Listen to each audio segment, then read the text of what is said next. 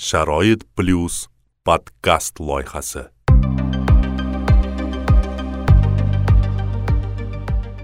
Assalomu alaykum hurmatli e, do'stlar. Toshkent shahar sharoit plyus nogironlar jamoat birlashmasi rasmiy telegram kanalida sharoit plyus podkast loyihasini navbatdagi sonini e, boshlaymiz. Va bugungi mavzuyimiz e, bugungi kunda ijtimoiy tarmoqlarda va el yurt orasida eng ko'p tilga olinayotgan so'z bor. Bu referendum so'zi e, o'sha joriy yil o'ttizinchi aprel kuni bo'lib o'tuvchi referendum haqida hamma joyda gaplashyapti. Targ'ibot ishlari targ'ibot kampaniyasi judayam katta olib borilyapti. Hattoki nazarimda e, o'sha deputatlik yokida haligi e, hattoki prezidentlik sayloviga ham bu darajada nima deydi? Tadbir oldi kompaniyasi tashkil etilmagandek nazarimda. Yana bilmadim endi bu mani o'zimni subyektiv shaxsiy fikrim. Va umuman nogironlik masalasida har doim suhbatlashib kelganmiz. Umuman yangi konstitutsiya referendum bo'yicha o'sha nogironlik masalalarida qanday vazifalar amalga oshirilyapti nimalar bo'lyapti Э, shu to'g'risida gaplashamiz. Umuman e, yetarlicha ma'lumot bizga yetkazib berilmagan. Baribir e, e, nima desak misol uchun o'sha imo ishora tilida bo'ladimi yoki brayl yozuvida bo'ladimi? Brayl yozuvida kitoblar chiqdi deyishdi. Lekin masalan u u judayam ko'pchilikni qo'liga yetib bormagan konstitutsiyani yangi ko'rinishi. Shuning uchun qaror qildik. Mutaxassis ham iltimos qilib mana shu yangi konstitutsiyani moddalari bo'yicha umuman e, prinsiplari tushunchalari bo'yicha biroz suhbatlashishga bugungi mehmonimiz o'zbekiston nogironlar assotsiatsiyasi raisi e, huquqshunos e, umuman nogironlik tushunchalarini bugungi kundagi zamonaviy qonunchilikka jadal olib kirib kelishga harakat qilayotgan inson oybek aka isoqov. Oybek aka assalomu alaykum. Va alaykum assalom hammaga salom. Vaqtingizni ayamasdan rozilik bildirganingiz uchun sizga rahmat deymiz. O'zimman birinchi savol bermoqchi edim. Biz mana hamkasblar bilan kontent analiz qilib ko'rdik. Yangi konstitutsiya matnini. Va sizni o'sha men befarq emasman loyihasidagi chiqishingizni ham ko'rdik. U yerda siz yettita moddada nogironlik haqida gap bor. Deb aytdingiz e, lekin biz negadir kontent analiz biroz noto'g'ri qilganmizmi nimagadir bizda to'rtta moddada e, chiqib keldi. Mana shu to'g'risida ozgina gapirib bersangiz o'sha men befarq emasman loyihasidagi chiqishingizni to'liqroq bir bayon qilib bersangiz umuman mana shu yettita modda haqida e, shu to'g'risida gaplashsak keyin yana savollarimiz bor. Э, Rahmat avvalambor man э, ozgina to'g'irlamoqchi edim. Man intervyu berayotganimda hali e, konstitutsiyani oxirgi varianti e'lon qilinmagan edi. Bundan oldingi konstitutsiyani loyihasini variantida e, modda modda qilib bizani takliflarimiz yettita taklif kiritilgan lekin oxirgi variantda u yettita taklif yo'qolib ketgani yo'q. Faqat ularni jamlab to'rtta taklifimizni ellik yettinchi moddaga jamlab qo'yishgan. Endi e, man shu borada tushuncha bermoqchi edimki yettita modda emas yettita taklif. Bugungi yangi tahrirdagi konstitutsiyaga bizani takliflarimiz kiritilgan. Avvalambor man aytmoqchi edimki konstitutsiyadan konstitutsiyani gapirishdan oldin man aytmoqchi edimki o'zbekiston tomonidan yigirma birinchi yilda birlashgan millatlar tashkilotining nogironlar huquqlari to'g'risidagi konvensiyasi ratifikatsiya qilindi. Mamlakatimizda nogironning barcha huquq va erkinliklarini ta'minlashining mustahkam huquqiy asoslari yaratilgan. Mana konstitutsiya loyihasida birinchi bo'lib aytilayotgan narsa что bizani davlatimiz ijtimoiy davlat. Biz hattoki shu ijtimoiy davlat tushunchasini ham bergan edik lekin tushunchasi kirmadi. Umumiy kirdiki o'zbekiston respublikasi demokratik dunyoviy va ijtimoiy davlat va hokazo demak ijtimoiy davlat e, so'zi kiritilishi ham bu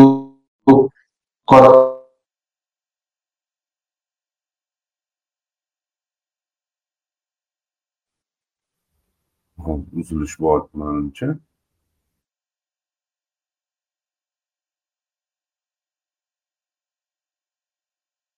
takliflarimiz qaysi moddalar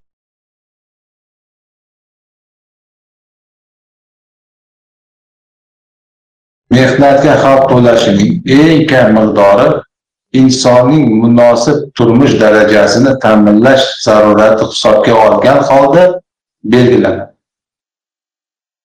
Turmush darajasini ta'minlash zarurati hisobga olinadi deb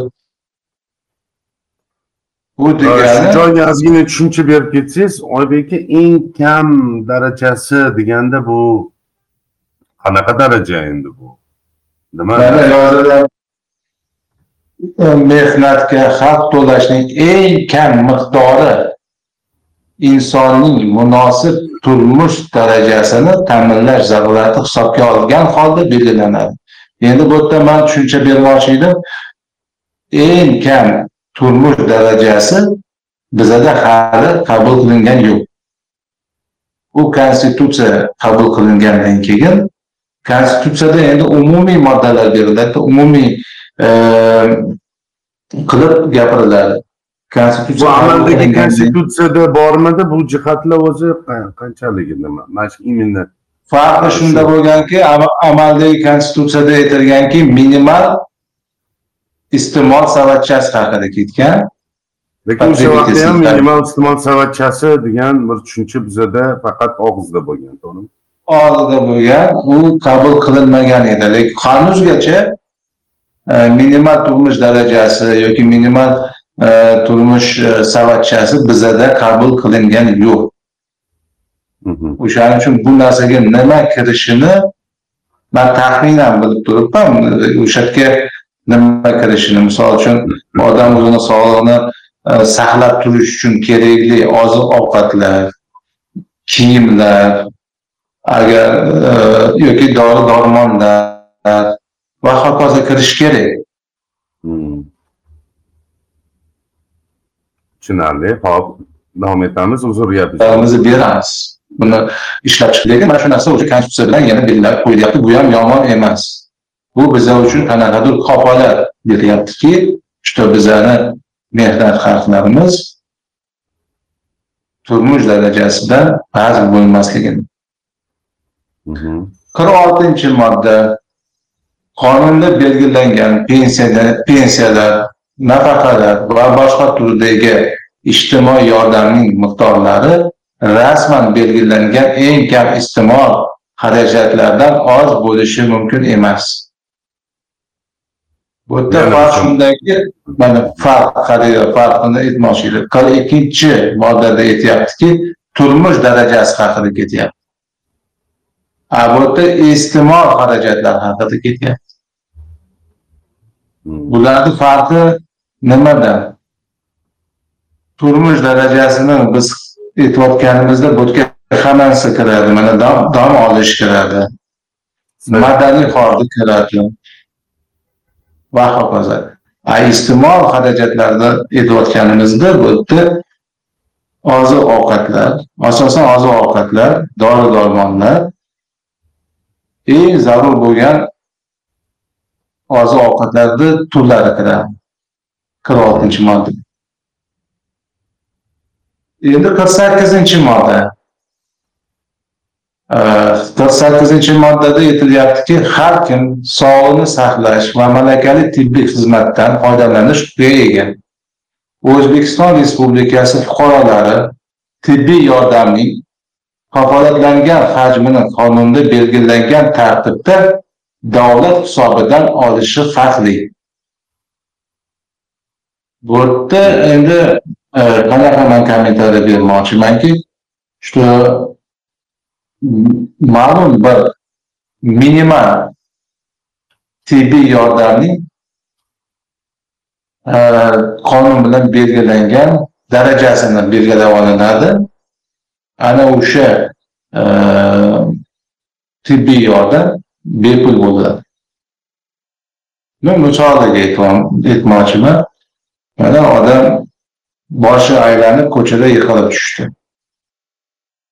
Unga давление oshgan bo'lishi mumkin quyoshda yoki boshqa qanaqadir uni birinchi yordam tekin bo'ladi davlat tomonidan puli bo'lmasa ham uni больницаga yotqizishadi tekin ko'rka berishadi ma'lum bir vaqt davolanish vaqti tekin bo'ladi davlat tomonidan. Man shuni shunaqa deb tushunyapman bu moddani elliginchi moddada aytilganki ulug'bek bu yerda savol yo'qmi yo'q yo'q yo'q. Savol bo'lsa savol gapingizni bo'lib to'xtataman endi uzr so'rayman mana elliginchi moddalarga yetib kelyapmiz sekin sekin savol elliginchi moddada yozilyaptiki ta'lim tashkilotlarida alohida ta'lim ehtiyojlariga ega bo'lgan bolalar uchun inklyuziv ta'lim va tarbiya ta'minlanadi bu juda inqilobiy e, modda deb o'ylayman chunki birinchi marta konstitutsiyamizda inklyuziv degan so'z ishlatilyapti birinchi marta lekin biz e, taklifimiz berganimizda nafaqat e, o'sha bolalarga biz umuman ta'lim bo'yicha beruvdik inklyuziv ta'lim. Lekin mayli bu yerda e, bolalar haqida ketyapti demak bog'cha va maktablar haqida ketyapti. Man o'ylaymanki bog'chalarda va maktablarda inklyuziv ta'lim bo'lsa o'zidan o'zi institutlarda ham shu inklyuziv ta'lim paydo bo'ladi deb o'ylayman. Lekin biz endi oybek aka Ha. shu yerda gapingizni bo'laman mana o'sha minimal e, iste'mol haligi miqdori haqida boya gaplashdik-ku. Endi avval ham e, bo'lgan degan bir fikr e, aylandi. Mana inklyuziv ta'lim bo'yicha o'zi umuman e, qarorlar qonunlar e, boshqa o'sha qonun hujjatlarda hujjatlardan ancha ko'rinib qoldi inklyuziv ta'lim masalasi. Yana konstitutsiyada ham kirib kelyapti albatta bu juda ham o'sha aytganingizdek inqilobiy revolyutsion bir e, holat. Lekin e, bu ham faqat konstitutsiyada qolib ketmaydimi? Chunki endi to'g'risini aytsam oxirgi paytlarda hukumat e, ikkita ishlar qilyapti bizada umid uyg'onishi boshladi masalan o'sha konvensiyani biz ratifikatsiya qildik. Yoki o'sha birlashgan millatlar tashkiloti minbarlarida e, prezidentimiz ham o'sha e, ayrim masalalarda yaxshi yaxshi gaplarni gapiryapti umid qilishni boshladikda endi. Bu inklyuziv ta'lim konstitutsiyaga kirgandan keyin o'zi qanchalik real o'zi o'zbekistonda inklyuziv ta'lim bo'lishi.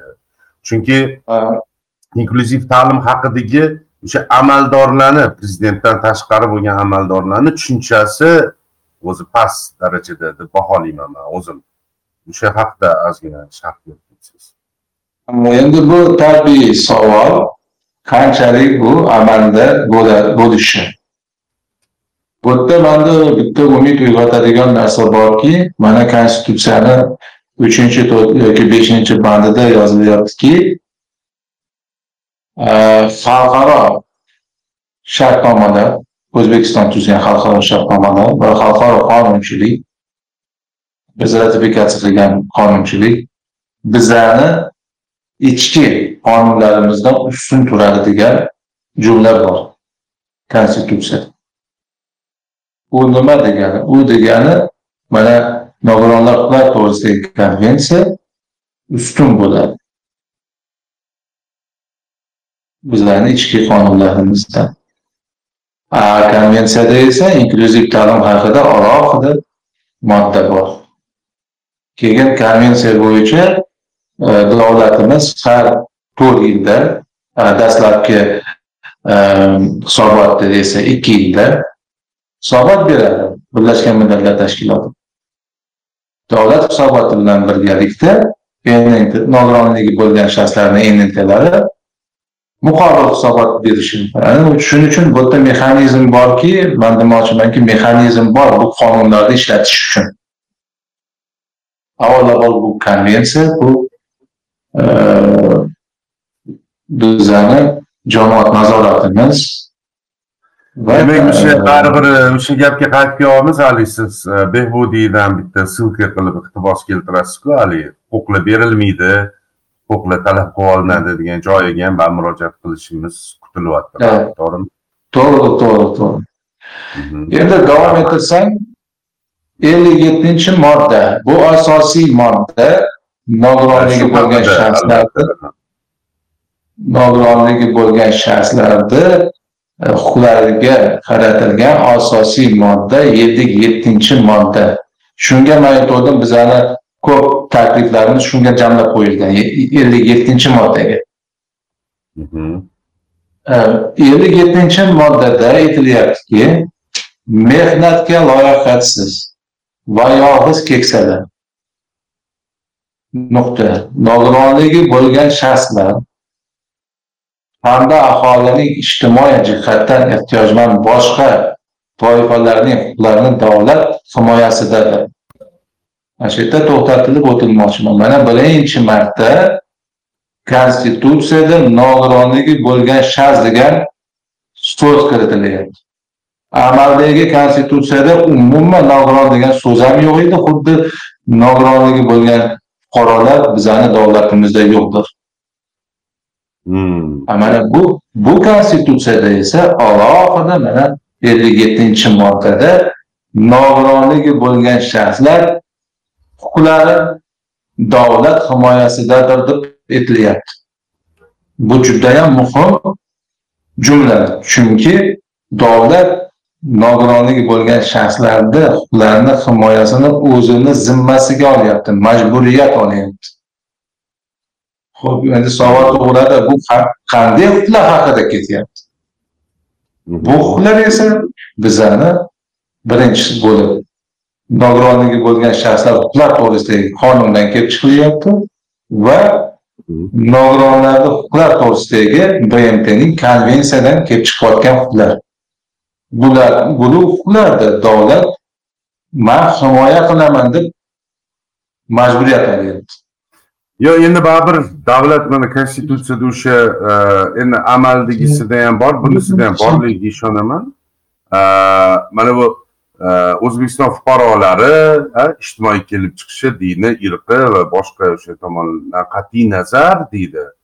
Huquqlidir degan gapni o'zi o'sha nogironlarni ham ichiga olish kerak emasmi o'zi? U qanchalik shart alohida shunaqa mana nogironlarni man himoya qilaman u bizani himoyamizda nima gaping bo'lsa mani oldimga kelgin degan gap bilan alohida bo'lib bu qanaqadir qanchalik zaruriy deb o'ylaysiz o'zi juda ham quvonarli nogironligi bo'lgan shaxs degan e, so'z e, terminni kirgani bu judayam yaxshi. Lekin baribir e, nima deydi kontekstni olib qaraydigan bo'lsak o'zi konstitutsiyani boshqa qismlarida aytgan hamma teng huquqli erkak bo'lsin ayol bo'lsin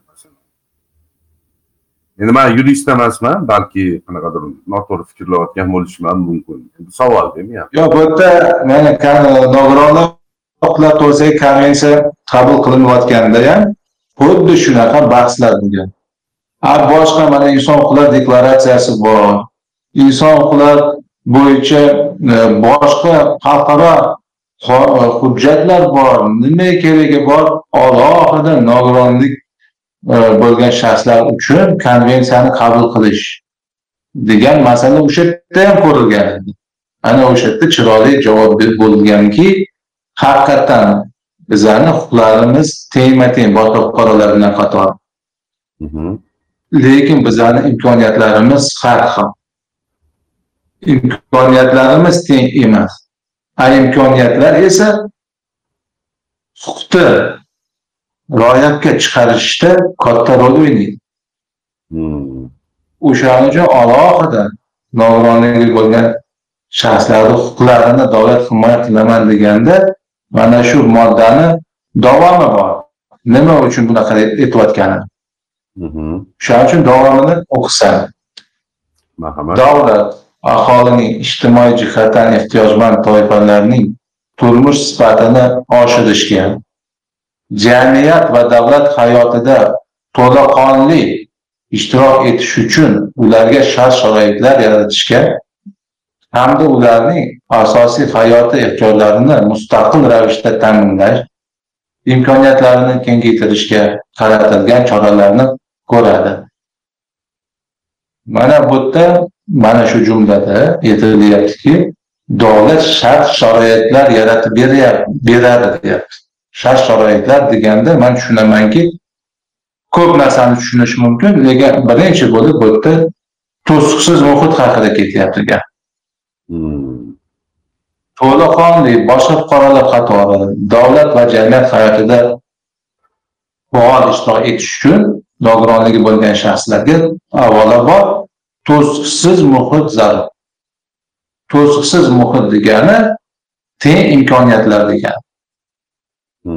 Mana nima uchun alohida nogironligi bo'lgan shaxslarni huquqlarini e'tirof etilishi kerakligi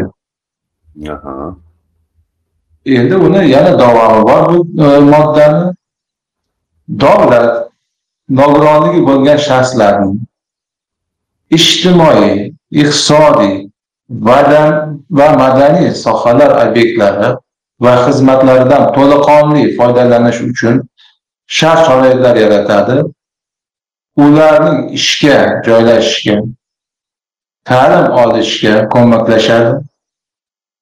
Ularga zarur bo'lgan axborotni to'xtovsiz olish imkoniyatini ta'minlaydi mana shu jumlada boya aytganimdek hamma obyektlarga to'siqsiz muhit yaratilishi yaratishini davlat bo'yniga olyapti. Shu madaniy iqtisodiy ijtimoiy obyektlarni foydalanish imkoniyatlarini yaratishni davlat bo'yniga olyapti majburiyatini olyapti. Bundan tashqari davlat yana majburiyat olyaptiki nogironligi bo'lgan shaxslarni ishga joylashish ta'lim olish huquqlarini ta'minlashiga ko'maklashish. Bu degani boya aytayotganimdek e, uch foizli kvota misol uchun ishga joylashish bo'yicha yoki oliy ta'lim olishda ikki foizlik kvota. Nogiron bolalar uchun e, inklyuziv ta'lim va hokazo. Mana shu ikkita huquqni asosiy uchta huquqni to'siqsiz muhit e, demak ish bilan ta'minlash ta'lim olish huquqlarini davlat o'zini bo'yniga olyapti. Bu juda katta uchta uchta katta bir global huquqlarida imkoniyatini foydalanish imkoniyatini yaratish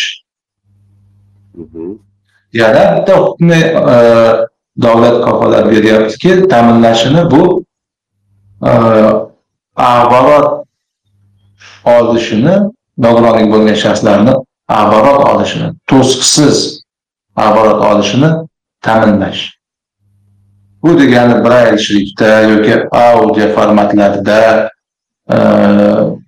значит axborotni yetkazish suvda tarjimonlar bilan ta'minlash yoki mana hozir yangi texnologiyalar paydo bo'lyapti mana shu texnologiyalarda nogironligi bo'lgan shaxslarga foydalanish imkoniyatlarini yaratish mana shu ellik yettinchi modda juda muhim narsalar kiritilgan bu yoqqa endi bu yerda umumiy umumiy qilib yozilgan konstitutsiya qabul qilinganda har bir jumla bo'yicha alohida normativ huquqiy hujjatlar qabul qilinadi.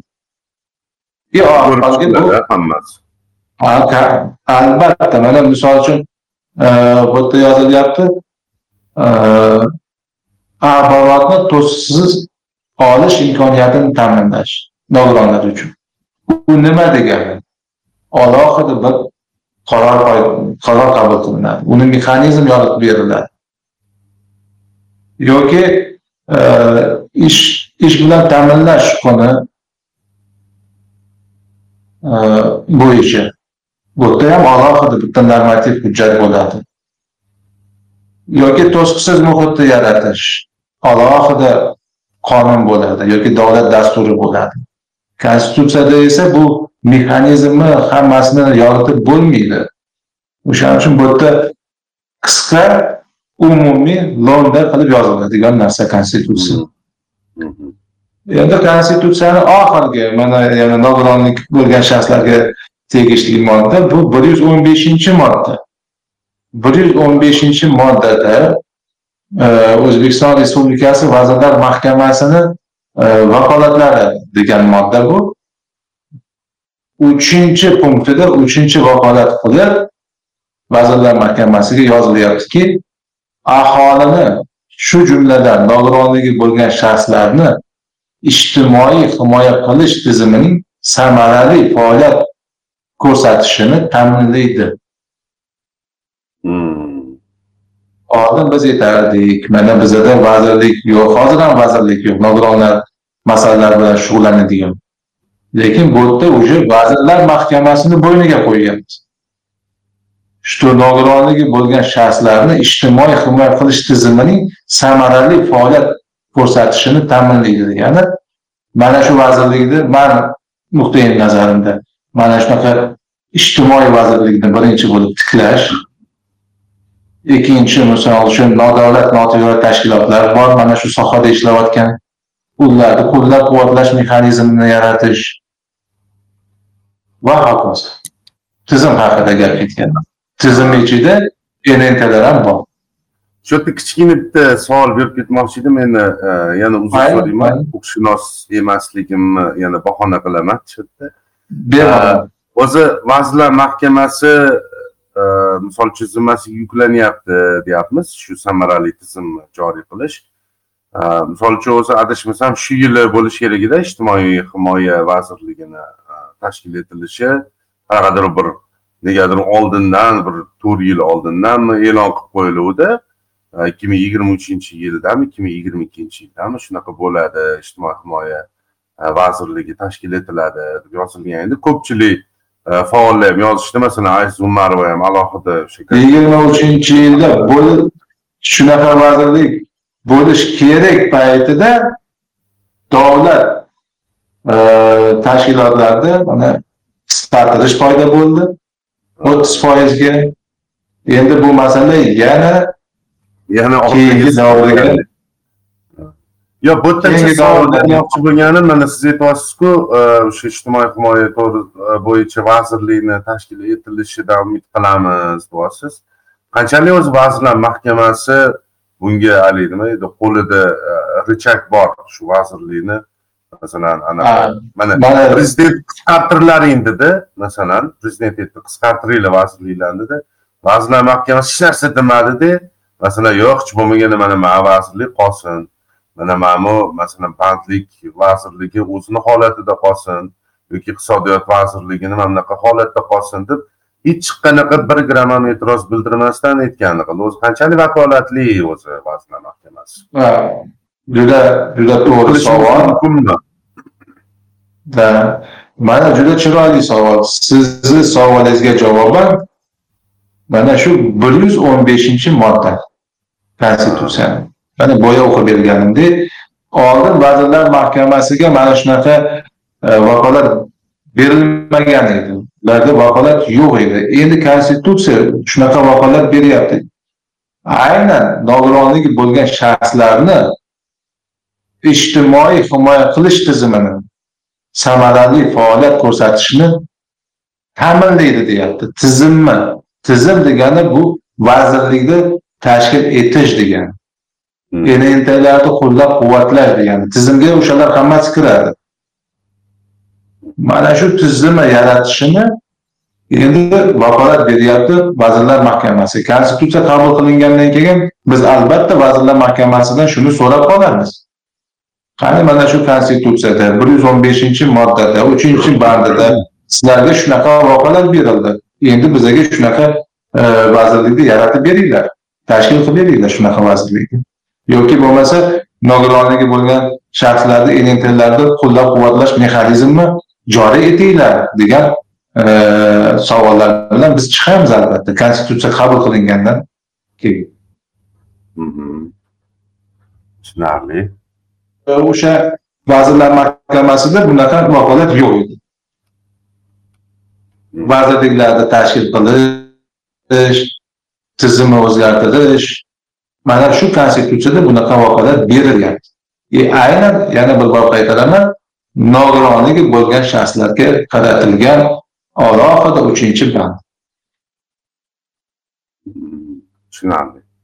Oybek aka katta rahmat. Umumiy sharhlarni berib o'tganingiz uchun. Endi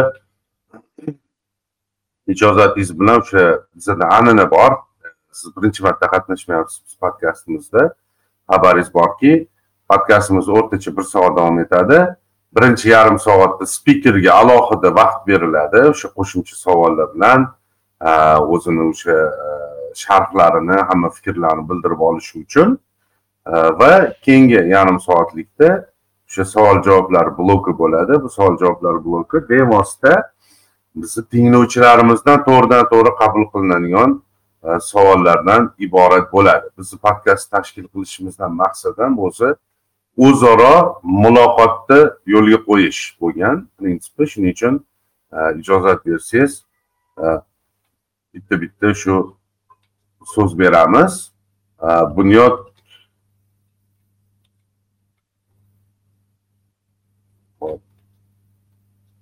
bunyod to'lqinbek marhamat. Mikrofoningizni yoqib berdim.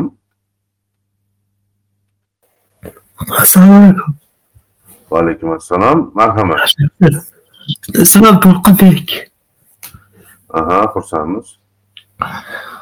Yoshim o'ttiz ikkida aha savolingizni bering marhamat. Nogironman. Mhm. Shu yaqinda uylanmoqchi edim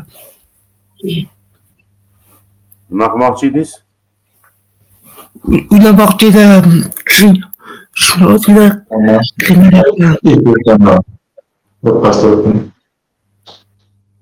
aha demak e, yordam so'rayaptilar.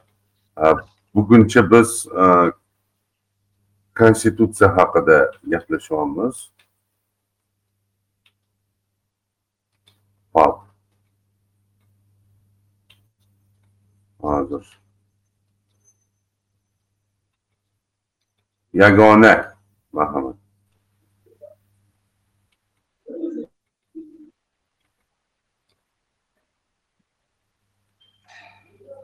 abdujalil abdusalomovich so'z beramiz marhamat assalomu alaykum va alaykum assalom alo assalomu alaykum ulug'bek aka.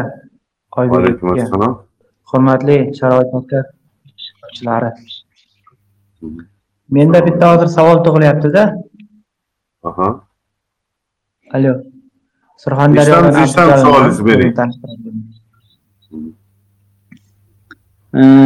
bizga ma'lumki o'sha uch foizlik nogironlarga ajratilgan kvotalashgan ish o'rinlarini mansabdor shaxslar ya'ni ish beruvchilar ko'pchiligi ochig'ini aytsak xabari yo'qda. Undan umuman e, bexabar. E, hozir oybek aka e, yuqorida ko'rsatilgan yangilanayotgan konstitutsiya konstitutsiyada nogironlarga ajratilgan moddalarni keltirib o'tdi. O'shani targ'ibotini ya'ni o'sha ish beruvchilarga yetkazib berishni qanday yo'lga qo'yish mumkin? Ularga alohida yig'ilish qilib mm, ish beruvchilarga alohida e, qanaqadir tadbir qilib o'tkazish e, yo'llarini ko'rish kerakmi? O'sha demoqchimanki qanday qilib bo'lmasin o'sha ish beruvchilarning e, xabar toptirish kerakda nogironlarning imtiyozlari haqida ularning huquqlari haqida. Rahmat. Oybek aka marhamat albatta bu huquqni e, konstitutsiyada ham ko'rsatilgan uch foizlik e, e, kvota bo'yicha ish bilan ta'minlash. Bu huquq bizani qonunchiligimizda ham ko'rsatilgan. Bu yangi huquq emas o'ttiz o'ttiz yil bo'ldi bu narsa qonunchiligimizda ko'rsatilgan lekin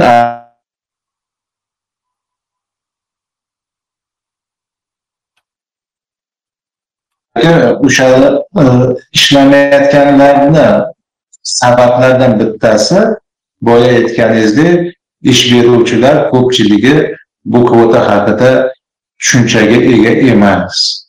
Bu borada albatta ham davlat tashkilotlari ham e, nogironligi bo'lgan shaxslarning nodavlat notijorat tashkilotlari e, ishlash kerak targ'ibot qilish kerak. Mana man bilishimcha sharoit plyus yaqinda yana ikkinchi mana shu ijtimoiy biznes yarmarkasini o'tkazadi. Bu ham bir targ'ibotni bir turi mana bugungi e, suhbatimiz targ'ibotni turi e, o'shaning uchun man aytmoqchi edim e, bu yerda jamoat nazoratini biz ishlatishimiz kerak. Mana surxondaryoda bizada ko'p nogironlar tashkilotlari bor lekin birorta o'sha tashkilotlar birortasi e, mana shu uch foizlik kvota qanday ishlayapti yoki nima uchun ishlamayapti degan masalalarni jamoat nazoratiga qo'ymagan jamoat nazoratini olib borishmagan. Bu afsus e, boshqa viloyatlarda ham shunaqa. Biz ko'p o'ylaymizki nogironlarga shu kiyim kechak olib borish yoki osh bilan to'ydirish lekin mana shunaqa global kerakli tizimli masalalarni o'ylab ish qilmaymiz.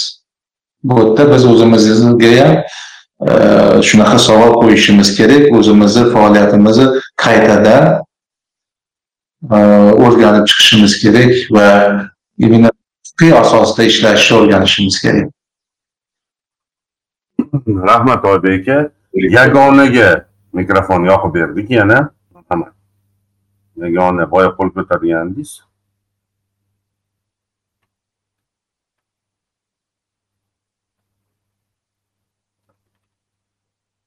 mayli gapirishni balki imkonini topaman. Uldona hakimovami assalomu alaykum assalomu alaykum marhamat. Alaykum assalom men surxondaryodanman men ham hakimova uldona bo'laman ikkinchi guruh nogironiman men ishlamoqchi edim ish men ish qidiryapman. Men hozir nimada nima qilib qoldim? Shuning uchun bu nimaga hozir anaqa qilyapman hozir suhbatimiz nima haqida bo'layotganini xabardormisiz ha. ha ha ha tingladim hammasini tinglab o'tiribman. Men o'sha boshida o'sha soat shu bo'yicha savolingiz bormi yo ish bo'yichami faqat ish bo'yicha. Men ish joy qidir qidiryapmanda ishlamoqchiman. Qo'limni tikuv tikuvchilikda ham bilaman. Anaqa moshinkada to'qiyman to'qiydigan moshinkalarda. Bo'ldi bo'ldi. Tushundim. qarang. shunaqa ish kerak uzr uzr. Hozir iltimos qilamiz. Bizani ish plyus xodimlari ham eshitishyapti uldona hakimovani lichkalariga o'tib o'sha o'zinglar kontakt ma'lumotlaringlarni yuborib qo'yinglar. Rahmat sizga. Ho'p demak diyorbek mahkamovga so'z beramiz. Marhamat. Diyorbek mahkamov. Qo'l Ha, vaalaykum assalom marhamat. Hozir siz aytdingizu nogironlik bo'lgan shaxs sifatida qabul qilib boshlanishi deb. Shu bo'yicha masalan konstitutsiyada belgilab qo'yilgan masalan talabalar yo bo'lmasam mm, nogironlik bo'lgan shaxslarda imtiyozlari bor dedingizu hozir sizlar uch foiz imtiyoz bilan ishga kirilayotgan edingiz. Universitet tomonidan beriladimi yo bo'lmasa o'sha qabul qilayotgan paytingiz e, ishlayotgan korxona yo bo'lmasam qandaydir ishga ishga joylashgan joyingizdan beri aytiladi bu narsa? Zotan savolingizni sal oydinlashtirib olaylikda Ha, ijtimoiy himoya qiladi degan savoliga e, modda bo'yicha beryapsizda bu savol to'g'rimi? Aha shunday va qanaqa mexanizm bilan amalga oshiriladi demoqchimisiz masalan o'qish joyi ish joyi yoki yashash manzili bo'yicha demoqchisizda to'g'rimi shunday shunday. Hmm, bo'ldi rahmat. Oybek aka marhamat.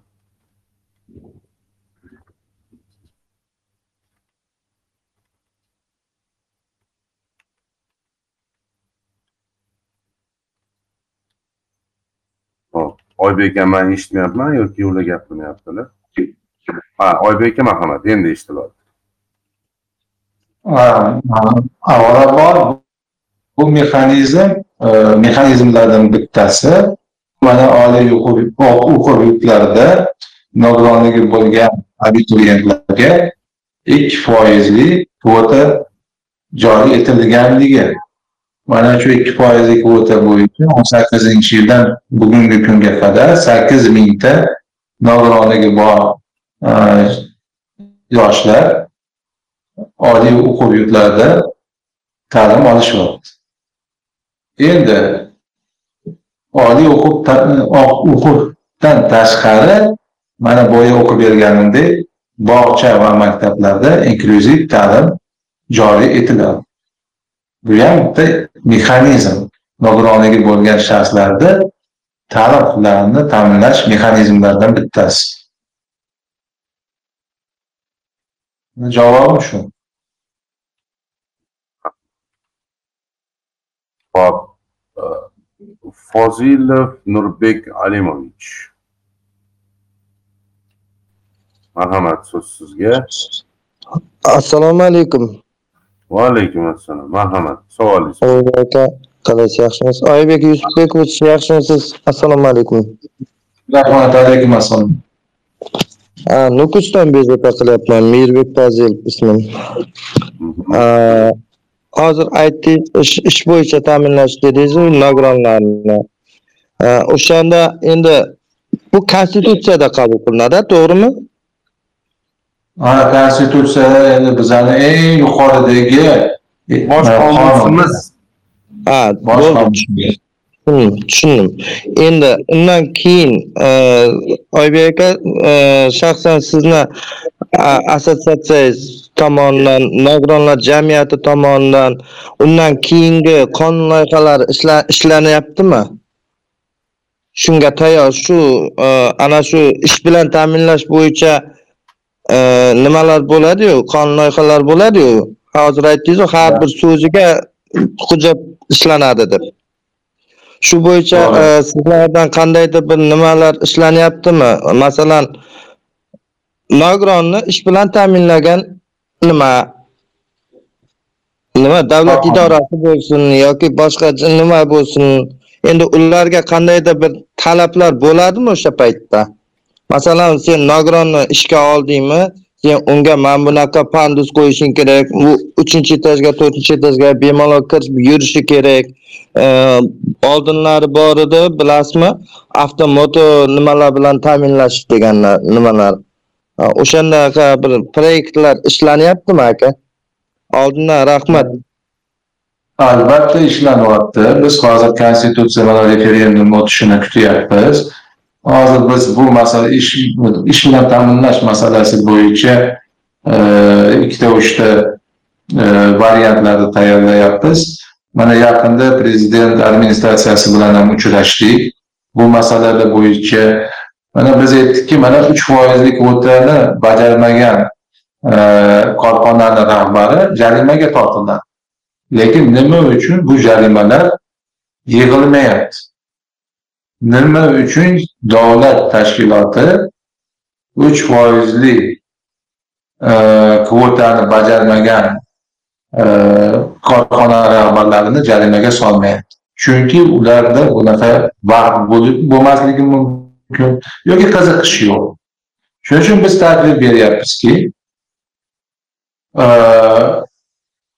bitta mexanizmi joriy etilishi u qanaqa mexanizm biz aytyapmizki mana NNTlarga shunaqa vakolat berilsin NNTlar o'sha uch foizlik kvota bo'lmagan tashkilotlarda monitoring qilsin tekshirsin qayerda uch foizlik kvota bajarilyapti qayerda bajarilmayapti bajarilmayotgan korxonalarga NNTlar o'zlari monitoring protokolini qilib davlat tashkilotiga bersin. Davlat tashkiloti o'shani jarimaga solsin. Jarimadan tushgan pulni o'n besh foizini NNTga tushirib berilsin.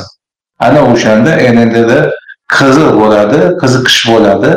Mana shu faoliyat bilan shug'ullanishga va e, davlatni ham vaqti ekonom bo'ladi. Chunki davlatni vaqti ham yo'q bunaqa narsa bilan shug'ullanishga. Lekin NNT shug'ullanadi. Chunki jarimani o'n besh foizi NNTni hisobiga tushadi. Xuddi shu narsani biz e, panduslar bo'yicha, tuzsiz muhit bo'yicha joriy qilishni taklif qilyapmiz. Bu endi bitta variantlardan bittasi. Biz tayyorgarlik qilyapmiz bu yili e, muhit loyihasini ishlab chiqish. Bundan tashqari biz e, hozir e, personalniy помощник bo'yicha qonun loyihasini tayyorgarligini ko'ryapmiz. Э, bundan tashqari ijtimoiy uy berish mexanizm bo'yicha э, qaror loyihasini tayyorlayapmiz. Bu borada albatta endi biz o'tirganimiz yo'q. Yanada ham ishlaymiz. Sizlarni fikrlaringiz ham bizga judayam qimmatli. rahmat э, oybek aka hozir mana asadbekka e, so'z beramiz. Asadbek.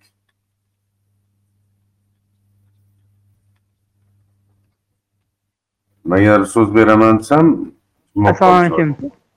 Vaalaykum assalom marhamat asadbek.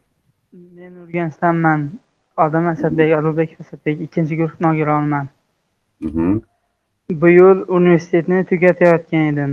E, fakultetim iqtisodiyot shunga e, men qayerga murojaat qilsam bo'ladi ishi ish bo'yicha shu Ya hozir mavzuyimizni eshitdingizmi o'zi? Bugungi mavzuyimizdan xabaringiz bormi? Ha shu ish asosan ish beruvchilar foiz kvotasi bo'yicha emasmi? Afsus unaqa emas. To'g'risini aytsam radioga o'xshab ketdi. Yoshligimizda radio eshitganimizda shunaqa bo'lardi. Savolni qaytarib yuboring eshitmadim u bu deb oybek aka bitta savol. Endi o'zim ham shu nogironligi bor inson bo'lgani uchun bitta savol berib ketmoqchi edim. Mana shu konstitutsiyada nogironlik masalasi ham baribir endi ha, bevosita aloqador bo'ladi bunga. Fuqarolik jamiyat haqida qanchalik tushunchalar bor bu yangi konstitutsiya loyihasida? Fuqarolik jamiyat. Mana biz hammamiz fuqarolik jamiyat faollarimiz.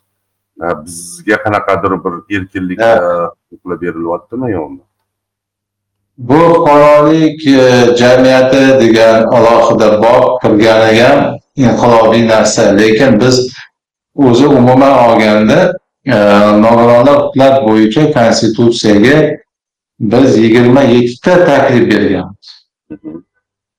Ulardan yettitasi, sakkiztasi o'tgan bo'lsa, fuqarolik jamiyati bo'yicha va boshqa huquqlar bo'yicha biz ellik to'rtta taklif berganmiz. ellik to'rtta.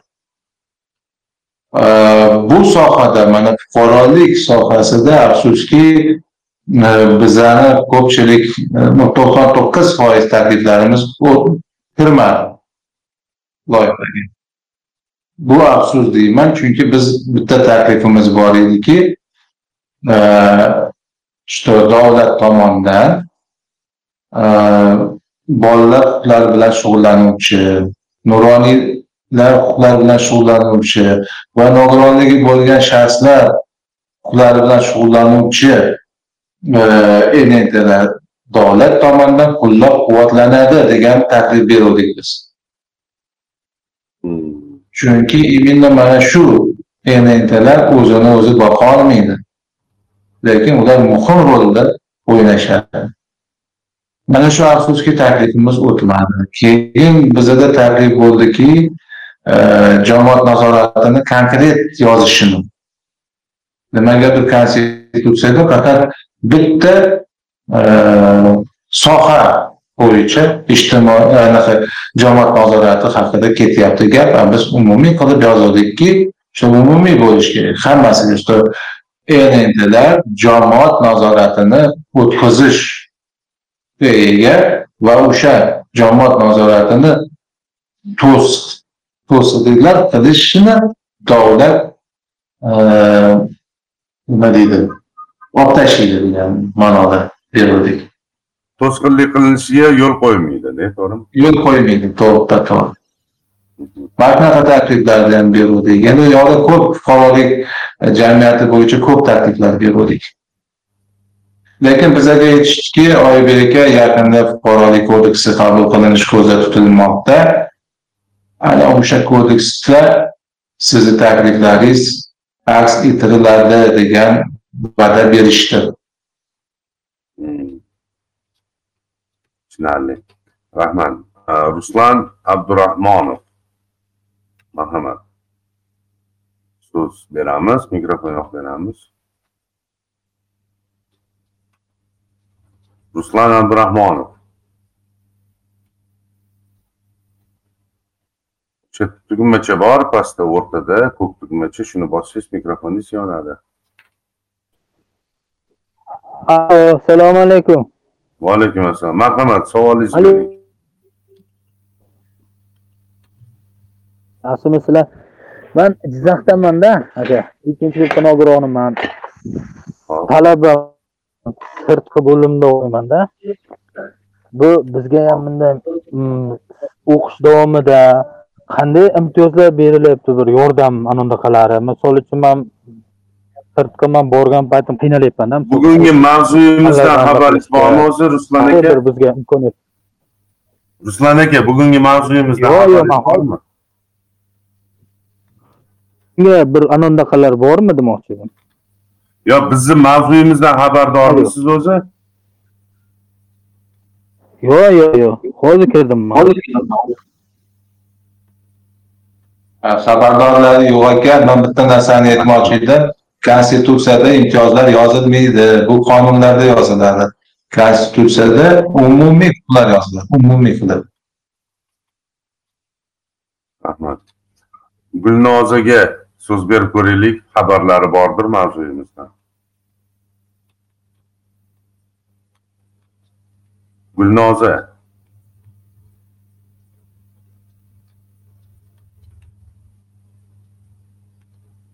Gulnoza sizni eshitmoqchimiz. Assalomu alaykum. Va alaykum assalom marhamat samarqanddan gulnozaman. O'sha uch foizli kvota man o'sha ish so'rab borganimda haqiqatdan ham o'sha kvota nimaligini bilmaydiganlar ham borda. Kvota desam o'sha nogironlarga tegishli kvota desam nima u biz unaqa narsa yo'q deyishadida. O'shani qanaqa e, o'sha masalan korxonada e, tegishli o'ziga tegishli o'sha kvotani o'zlari ham bilmaydida. Qayerdan olsa bo'ladilar? Nimani qayerdan olmoqchisiz tushuna olmadim man. Kvota o'sha bo'sh ish o'rni kvota uch foizli kvota deyishyapti Men- mana mehnat birjasi har yili uch foizli kvota bo'yicha e, ish zaxira ish joylari zaxirasini yuritadi. Siz o'sha mehnat birjasiga borsangiz sizga o'sha zaxiradan ular ma'lumot berish kerak. Mana shu samarqand viloyatida qancha korxonalarga ular uch foizli kvota bo'yicha ishlarni zaxiralab qo'yilgan zaxiraga qo'yilgan. Keyin o'sha korxonalarga ular sizga yo'llanma berish kerak ishga joylashish bo'yicha. Mehnat birjasida e, borib olishingiz mumkin bu ma'lumotlarni samarqand viloyatidan yokida ish plyus loyihasiga murojaat qiling. Sharoit e, plus ish plyus loyihasi bor. Yozib olinglar telefon raqamlarini to'qson kodi bilan sakkiz yuz o'n sakkiz nol yetti nol sakkiz. Barcha ma'lumotlar huquqiy mexanizmlar hamma hammasini o'sha yerda biz do'stlarimiz sizlarga e, o'rgatishadi. E, demak farzandim boyligim qo'l ko'targan edilar. Marhamat farzandim boyligim. Assalomu alaykum. Va alaykum assalom ismingizni aytib o'ting bu yerda nik yozilgan ismim oygul xorazm viloyati gurlon tumanidanman ha xursandman marhamat nima ikkinchi guruh nogironiman uy joy bo'yicha nima kreditga olmoqchimanda uy- uyni. Hozirda ijtimoiy uyda yashayapmiz. Kredit olmoqchi bo'lsa uy joyni man uzr so'rayman. Savolingizni oxirigacha eshittirolmayman chunki bugungi mavzuyimiz ah, referendum va ah, o'sha referendumda qabul ah, qilinayotgan konstitutsiya yangi konstitutsiya loyihasi bo'yicha suhbatlashyapmiz. Albatta sizni ham savolingiz har bitta insonni savoli og'riqli shu yerda berayotgan ish bo'yicha bo'ladimi o'qish bo'yichami? Dolzarb savol lekin unaqa nima deydi? Bitta mavzuni tanlab olib keyin e, o'nta mavzu bo'yicha savol javob qilib ana qilolmaymiz. E, O'shaning uchun uzr so'rayman. O'z vaqtimiz ham e, o'z nihoyasiga yetib boryapti. Oybek aka sizga kattakon rahmat vaqt ajratib bunaqa qilganingiz uchun. Va man bitta savol bermoqchi edim. Mana referendumgacha sanoqli kunlar qoldi lekin baribir yetarlicha kun bor. Taxminan ikki hafta vaqt bor. Э, mana xabarimiz bor. Toshkent shahrida interkontinental mehmonxonasida yangi konstitutsiyani brayl yozuvidagi shaklini taqdimoti bo'ldi. Э, va televideniyada ham shu ko'rsatildi boshqa bo'ldi. Э, mana shu narsalarni qayerdan olsa bo'ladi. Misol uchun man huquq faoliman o'zim ham fuqarolik jamiyatda faolman. Harakat qilaman manga ko'pchilik aloqaga chiqadi shunaqa chiqib qayerdan olishni bilmayapmiz. Deyishyapti. Bu narsalarni nima shunchaki galochka uchun qilishadimi mana biz chiqarib qo'yganmiz. Buni axir misol uchun kerakli odamlarni qo'liga yetkazib berishmasa inson huquqlari markazi buni man bilmayman. Shuni nima foyda bor? Shuncha pul isrof bo'lib mana sarflandi boshqa bo'ldi. Lekin mana bu yoqda bizni masalan ko'z ojizlar jamiyatida ishlamaymiz misol uchunda nahotki ko'z ojizlar jamiyatida ishlash shartmi bu konstitutsiya bizni qo'limizga yetib kelishi uchun? Nimaga masalan boshqa tashkilotlarda ishlab yurgan faol nogironligi bo'lgan insonlarga mana shunaqa ma'lumotlar yetib kelmayapti. E, nima deb o'ylaysiz? Nima kamchiliklar bor? Balki biz tomonidan yo'lga qo'yilyapti yo'l qo'yilayotgan qanaqadir xatolar bo'lishi mumkin yoki o'sha tashkilotlarga ham qanaqa tavsiyangiz bor? Misol uchun deylik ko'z ojizlar jamiyati bo'ladigan bo'lsa mana kitob e, sizlar oldinglar shuni sizlar orqali tarqatyapti subsidiya beryapti sizlarga davlat. Shuni yetkazib beringlar e, degan bir ma'noda qanaqa tavsiyalar berasiz? Chunki o'zbekiston bo'yicha o'sha jamiyatlarda ko'p. O'shalar olmoqchi lekin qayerdan olishni bilishmayapti. Yoki albatta interkontinentalga borib taqdimotda ishtirok etish kerak buni olish uchun. Rahmat man savolni tushundim yaqinda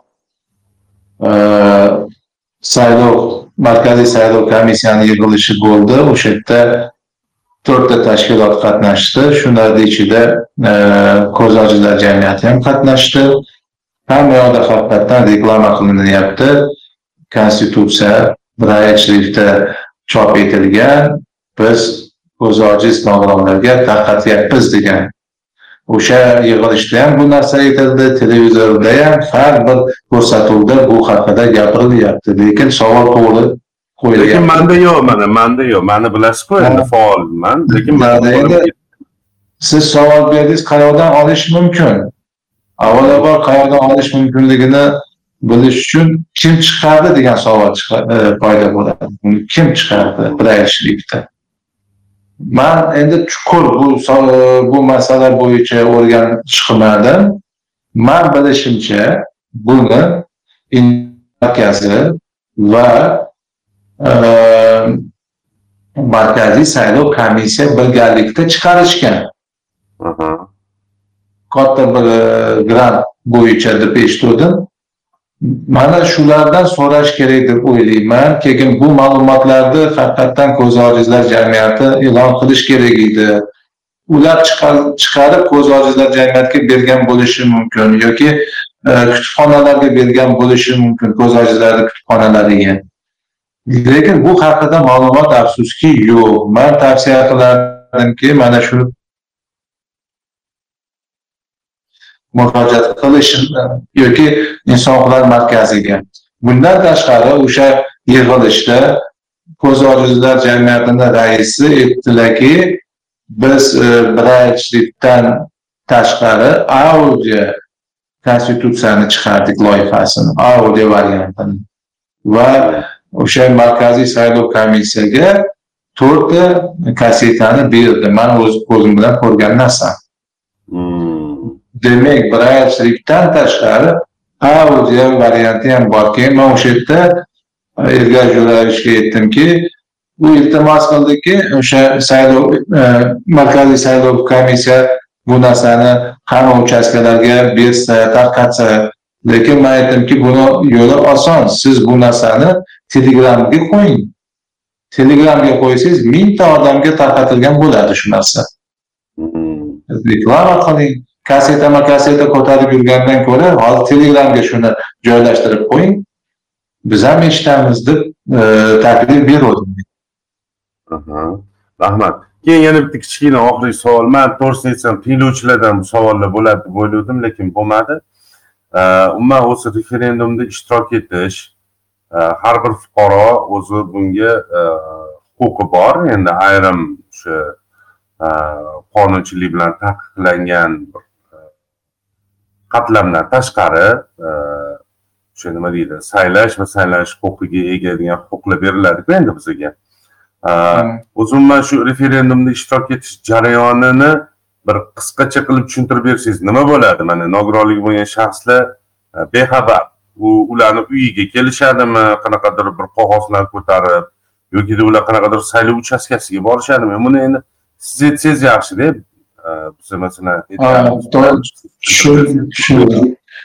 tushundim saylov shu referendumga где то o'n kamida o'n kun qolganda o'n kun qolganda saylov komissiyasi mahalla komiteti bilan birgalikda mahalla komiteti o'zi yig'ib berishi kerak mana shu mahallada qancha nogiron istiqomat qiladi?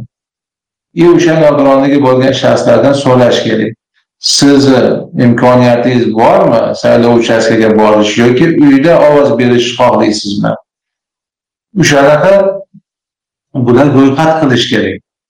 Qancha nogironligi bo'lgan shaxslar uyda ovoz berish xohlagan.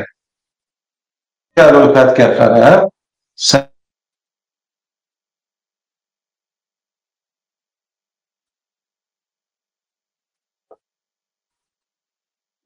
bo'lyapti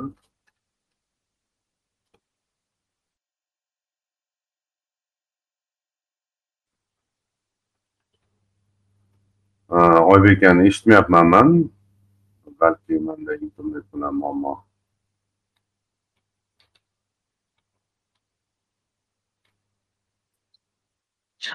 saylov tushasi olib kelib beriladi internetim o'chib qoluvdi yana yoqilib qoldi yana man aytmoqchimanki e, saylov uchastkalarida e, ko'zi ojizlar e, saylovchilar uchun trafaret tashkil etiladi byulleten trafaret brail shrifti bundan tashqari lupalar qo'yiladi bir ba'zi bir saylov uchastkalarida surda tarjimon xizmatlari ham ko'rsatiladi degan narsani ham gapirishyapti. Ba'zi bir yana bu demak o'sha mana mahallalar borku hammasida emas. Endi hammasiga yetkaza olmaydi ular surda tarjimonlarni biz o'sha taklif bergandik o'sha planshet orqali onlayn tarjima qilib beringlar deb endi o'sha bo'yicha hali ham hozir nuqta qo'yilgani yo'q o'ylab yurishibdi. Mana suvda tarjimon bo'yicha. Lekin e, byulleten bo'yicha o'sha chop etildi uni tarqatishi hamma saylov uchastkalariga endi karaskadagi foydalanuvchi nogironlar uchun panduslar qilinadi. Alohida e, ovoz berish kabinalarda tashkil etiladi nogironligi bor shaxslar uchun. Sharoit shunaqa hozir demak saylov uchastkalari bor qisqa qilib aytamiz. Xohlasangiz mahalla e, fuqarolar yig'ini orqali siz o'sha o'zingizni fikringizni bildirishingiz mumkin. Xohlasangiz saylov uchastkalarida xohlasangiz uyingizga o'sha e, sayyor quti e, keladi va o'zingizni ovozingizni berasiz. Hammasi oddiy va hammasi oson oybek aka e, yana bir bor minnatdorchilik bildiraman. E, nima deydi ishingiz ko'pligidan qat'iy nazar bizga shunchalik yordam berib e, hamsuhbat bo'lganingiz uchun. Endi referendum nima deyishimizdan qat'iy nazar? Bu muhim siyosiy jarayon va bunda hammamiz imkon qadar kamida bir ma'lumotga ega bo'lishimiz kerak. Kim ishtirok etadi kim ishtirok etmaydi buni o'zini huquqi lekin baribir kamida qandaydir bir ma'lumotga ega bo'lsa albatta yaxshi bo'ladi deb o'ylayman. Suhbatimiz so'ngida tinglovchilarga tilaklaringiz man yana bir narsani aytmoqchi edim ulug'bek va bir sekund. Man hammani referendumga